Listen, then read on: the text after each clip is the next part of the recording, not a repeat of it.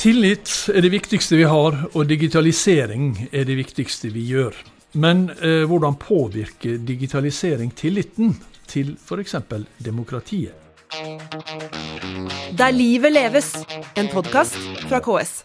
Da kan vi endelig ønske velkommen til en ny episode av KS-podden Der livet leves, etter to ukers påskepause, og jeg heter Kjell Erik Saure. Onsdag og torsdag denne uka så går en av de store nasjonale kommunekonferansene av stabelen, nemlig E-kommune 2023. Og når det står E foran et ord, så skjønner vi at det dreier seg om noe med digitalisering, e-helse, e-læring, e-boks og e-post, for den saks skyld. Det skjer altså på The Hub i Oslo. Det skjer også digitalt, naturligvis, og derfor hjertelig velkommen til direktør for området forskning, innovasjon og digitalisering i KS, Kristin Weidemann Wieland. Du, Kristin. Digitalisering, tillit og demokrati er eh, overskriften på, på, disse tre dagene. Og det står på invitasjonssida til E-kommune 2023 at konferansen vil gi svar på hvordan økt digitalisering påvirker tilliten til vårt demokratiske samfunn. Selv om svaret skal komme på konferansen, så vil jeg veldig gjerne at du foregriper litt og gir oss altså, hva, hva er sammenhengen mellom eh, demokrati, digitalisering og tillit? Det er veldig mange sammenhenger og ulike perspektiv som du skal drøfte der rundt. Det er sånn at uh, digitalisering det handler jo om å endre virksomheter ved hjelp av teknologi. Og hvordan vi utøver virksomhet. Og hvordan vi samspiller med hverandre. Mm. Og fordi at virksomheter består jo av uh, mennesker.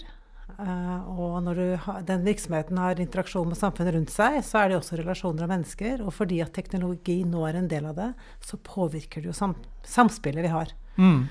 Og når det gjelder eh, tillit og demokrati, så er det jo altså, Det mest åpenbare som har vært mye fokus på, har jo vært type sånn hacking i forbindelse med valg. Mm. Så valgpåvirkning. Eh, hvordan eh, sosiale medier påvirker oss, og sånn sett griper inn i, det direkte demokratiet. Vi har jo uh, hatt mye fokus på hets og trusler mot folkevalgte, fortrinnsvis i det digitale rom. Um, så det er på en måte de mest åpenbare eksemplene på at det kan mm. påvirke oss. Men men det stopper jo egentlig ikke der.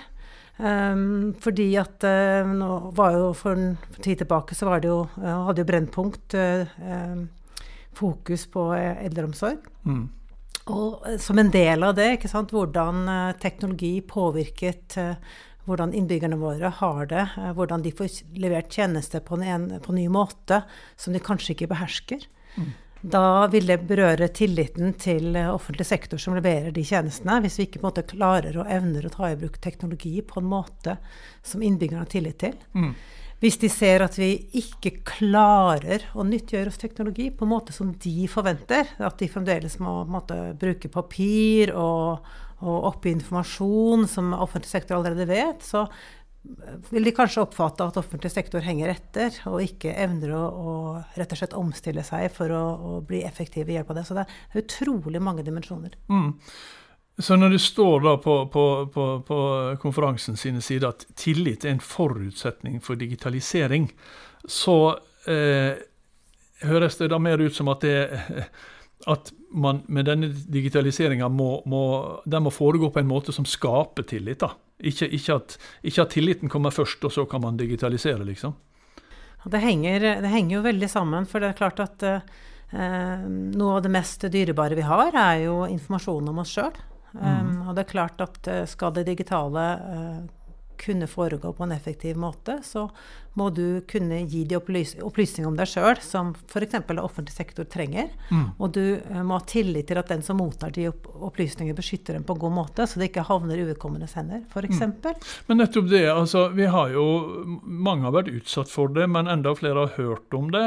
Nettopp at sånne personopplysninger har kommet på avveie, eh, ikke minst i kommunesektoren. Vi hadde jo en, en kommune for, eh, for, eh, et par år siden som ble totalt der alt eller ble, ja, hele, hele, hele, det digitale nettet til kommunen var på en måte på avveie. tyder ikke det på at man ikke skal ha tillit? da? Iallfall ikke blind tillit? Nå er jo det heldigvis eh, unntakene eh, og ikke den jevne praksis. Mm. Det legges jo veldig stor vekt på å, å, digitalisere trygt, og at man skal ha robuste systemer for å forvalte informasjonen man har om innbyggere på en god måte. Så, men, men, eh, men, det men er sårbart. Klarer vi det? Altså, Nei, tror, det, det teknologi er jo fremmed for de fleste av oss, og vi vet at noen med onde hensikter stadig kan ligge foran. Ja, det er klart at, og sånn er det. Eh, det er klart at dette er profesjonelle, kriminelle miljø som er ute etter vinning, så noen garanti er det ikke.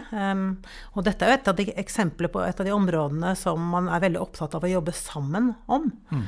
Der ønsker kommunene å jobbe i fellesskap, og man ønsker å jobbe i fellesskap med staten for å finne ut hvordan vi kan håndtere uh, dette på en best mulig måte, sånn at uh, i hvert fall den delen av tilliten er på plass. Men mm. jeg vil jo si at når det gjelder informasjonssikkerhet så, og personvern, så er kanskje den andre dimensjonen eh, av informasjonssikkerhet eh, vel så utfordrende for tilliten til offentlig sektor. Det er på en måte vår manglende evne til å dele informasjon mm. når det er nødvendig for at innbygger skal ivaretas på en god måte av det offentlige. Ja. Og, og, det er klart at i en papirbasert tid så på en måte skjønner du at ting tar tid, og at ikke nødvendigvis all informasjon deles. Men når informasjonen er digital, så forstår du ikke det helt. F.eks. samhandling innenfor helse. Ja. Så vi enda ikke har fått knekt nøtta da, for å Nei. snakke litt folkelig om det. Og det, det, det er jo det sikkert, for det, det jeg hadde sett, det er jo et av temaene som skal opp på den konferansen. Vi skal komme tilbake til resten. Men, men dette med, med, dette felles journalløftet, eh, og det er jo da særlig eh, altså, innenfor helse vi, vi, vi hadde Akson, som skulle være eh, det, det store liksom, med, med både samhandling mellom eh, altså internt i spesialisthelsetjenesten i kommunene, men også mellom disse to. Og nå har vi da eh, noe som heter Felles kommunal journal.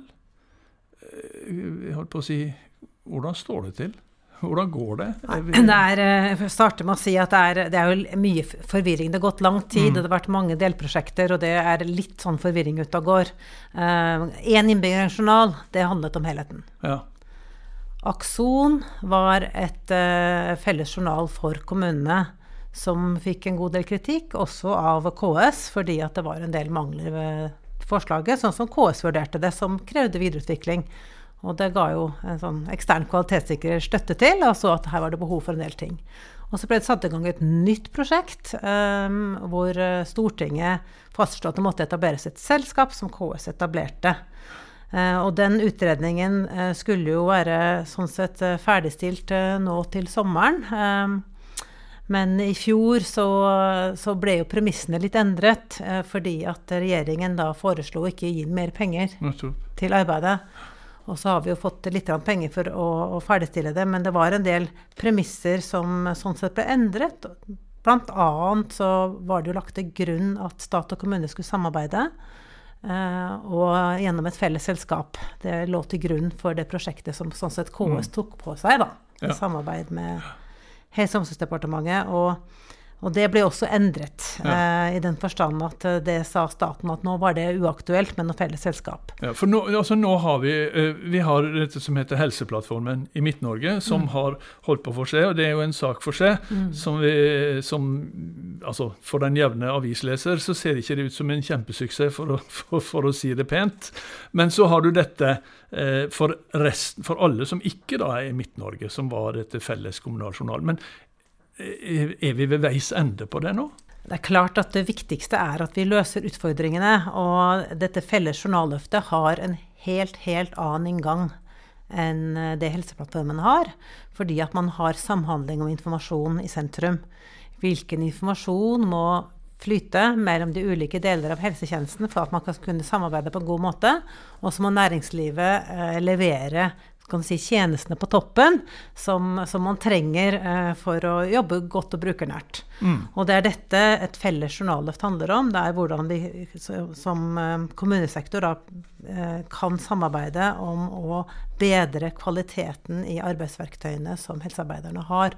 Og der kommer det et forslag til det før sommeren. Men det er krevende nettopp fordi at premissene er så uh, dramatisk endret i løpet av det siste halvåret. Ja, nettopp. Og Dette er da et av eh, temaene på et sånt parallellseminar som skal foregå på, på konferansen. Og vi, vi åpna jo med å si liksom det store eh, overskriften på, på, på, konferansen. Tillit, digitalisering, tillit og demokrati. Eh, hva konkret skal foregå på disse tre dagene på The Hub? Vi skal jo sette i sentrum eh, hva som foregår her og nå, som vil ha betydning for, eh, for teknologi som tas i bruk i kommunesektoren. Eh, og altså hva nytt som skjer, rett og slett. Blant annet så kommer jo Tonje Brenna og skal snakke om, eh, om digitalisering i mm. barnehage og skole. Eh, vi har jo eh, politisk ledelse i Kommunaldepartementet som skal snakke om det store bildet. Og ikke minst vi, har vi invitert folk som kjenner godt til hvordan dette arbeidet foregår i nabolandene våre, Sverige og Danmark, og skal sammenligne litt om hvordan de gjør det, versus hvordan vi har gjort det her i Norge. Det kan jo være at vi har noe å lære. Um, ligger vi bra eller dårlig an? Ja, og det, det bringer jo meg til et tema på ett av dine to uh, innlegg på konferansen. Uh, det første det er da under programposten som har tittelen er digitalisering på rett vei i kommunesektoren, og hvordan ligger Norge an sammenlignet med andre land? Det var det du begynte å, å, å, snakke om nå. Og Hvis vi tar kortversjonen, da. Er Norge på rett vei, og hvordan står det til i kommunesektoren? For å ta offentlig sektor i stort, så ligger vi litt etter nabolandene våre i Norge. Um, og det gjelder nok også kommunesektoren. Men eh, det har skutt veldig fart, vil jeg si, de siste tre-fire årene så har det skjedd mye, mye mer enn i årene før. Mm. I den forstand at vi er i ferd med å ta igjen nabolandene, eller? Ja, det kommer flere fellesinitiativ som på en måte løfter hele laget. Mm. Uh, og det, skjer et mye bedre samspill mellom stat og kommune enn det gjorde for noen år siden. Og det er, tror vi, til innbyggernes beste, at vi samarbeider bedre. Så, så, sånn sett er det på rett vei, men det er uendelig mye å ta av. Og så skjer jo ting så fort. Så bare tenk på på det som har skjedd i forhold til kunstig intelligens det, det siste halve året. Hvordan ChatGPT har rullet innover samfunnet. Mm. Og vi vet jo ikke helt hvordan det ender heller. Hvordan det vil påvirke eh, både bruk av teknologi og hverdagen, eh, arbeidshverdagen, skolehverdagen i det hele tatt. Mm. Men dette er jo litt sånn Eh, altså Apropos tema for konferansen. altså det, Du sier vi vet ikke helt hvordan det ender. Er det, er ikke det på en måte noe som preger litt av hele denne digitaliseringsprosessen? At vi, vi, vi slipper løs noe, og så aner ikke vi helt eh, hvor vi lander?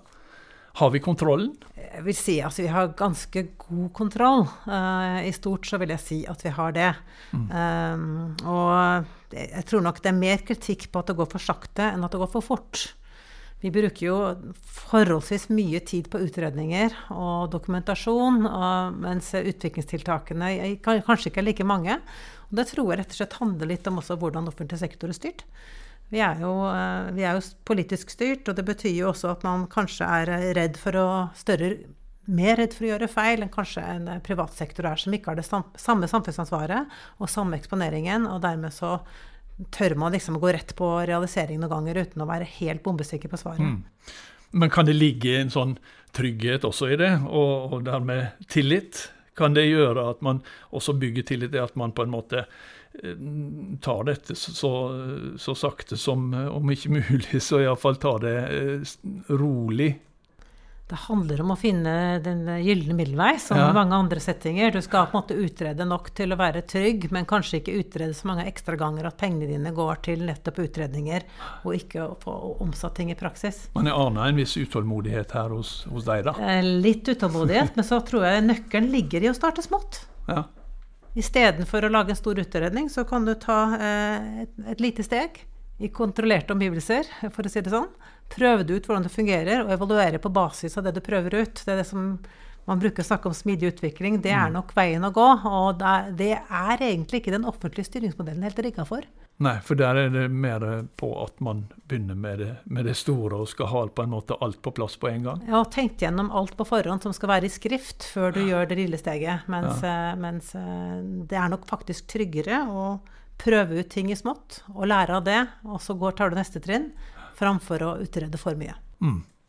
Du, ditt andre innlegg under, eh, på, på, på, disse dagene, det er under den programposten som heter 'Hvordan kan innovasjon og teknologi bidra til bærekraftige tjenester i helse og omsorg?' Og Den ene delen har jo vi vært litt innom, med informasjonsutveksling og sånt.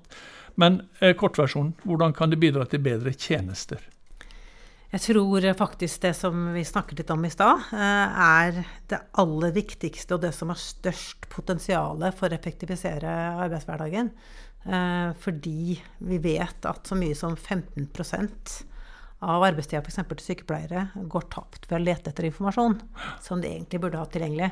Mm. Det er klart at det har vi ikke råd til i den fremtiden vi går inn i. Men samtidig så, så er vi jo også opptatt av at teknologi skal eh, gjøre det lettere for innbyggere at de skal ha tilgang både til informasjon og til eh, støtteverktøy som gjør at eh, de, de, kan klare seg på en god måte hjemme når de ønsker det. Mm. Eh, så det har mange dimensjoner, og, og, vi vet at vi ikke vil klare å løse floken vi står overfor innenfor helse og omsorg, uten å bruke teknologi på en helt annen måte enn vi har gjort så langt. Mm. Men samtidig da, så er jo vi der, som du, som du altså du nevnte jo sjøl dette med, med Brennpunkt-reportasjene om, eh, om, eh, teknologi i eldreomsorgen. Så, så, er jo liksom de som eh, potensielt har størst nytte av, av, av det, er vel også de da som hva vi si, er minst digitalt utvikla, har, levd det meste av sitt liv uten, eh, utenfor den digitale verden. Eh, og, og, og, så, og, så, får man eh, hjelpemidler som ser helt suverene ut når du og kollegaene dine skal bruke dem, men så skal de som faktisk skal bruke dem, de forstår ikke. Der ligger vel ei kjempeutfordring. Det er klart at det med digital kompetanse og trygghet også for, eh, for innbyggerne våre er kjempeviktig. Eh, så det handler om å både lage løsninger intuitive og enkle, og ha den hjelpen og bistanden man trenger for å liksom komme i gang, og føle seg trygg på at dette er noe jeg faktisk klarer å nyttiggjøre meg av. Men eh, vi skal ikke tenke at dette her gjelder bare eldre. Vi vet at innenfor helse og omsorg så er det også yngre brukere som har veldig stor glede av teknologiske hjelpemidler. Det vil også kunne avlaste hvis de får nyttiggjort seg det. Det er nå det ene. Eh, og så vet vi også at det er andre grupper enn eldre som fører seg digitalt utenfor. Eh, det er folk som kanskje ikke behersker språket, som ikke har nok kunnskap, om offentlig mm. forvaltning. Så det, der med digitalt eh, utenforskap har, mange dimensjoner. Mm. Ja, og, og si, hvordan løser man det? Den dimensjonen med digitalt utenforskap. For det, det, en, det, har jo også masse med tillit og demokrati å gjøre, dette med det digitale utenforskapet. Eh, jeg holdt på å si, og jeg skjønner jo selvfølgelig at det ikke finnes noen sånn eh, enkel løsning på det, men hvor mye jobber dere med det digitale utenforskapet samtidig som dere jobber med dette med å utvikle tjenester? Vi, vi, velger vel mest å bruke eh, begrepet digital inkludering. For jeg mm. syns det er litt mer sånn positivt ladet. Absolutt. Det handler om å, å hjelpe, ha veiledningstilbud for dem som uh, vil kunne klare det, og komme innafor. Og så handler det også om å kunne uh, utstyre de som skal For de som aldri vil kanskje nå dit, at de har noen som kan gjøre jobben for dem.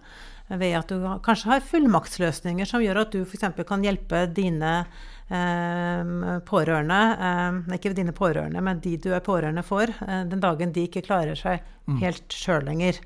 Og sånne løsninger har vi egentlig ikke så godt på plass i offentlig sektor, f.eks. Men, det gjelder, men det er en utfordring på tvers av privat og offentlig sektor.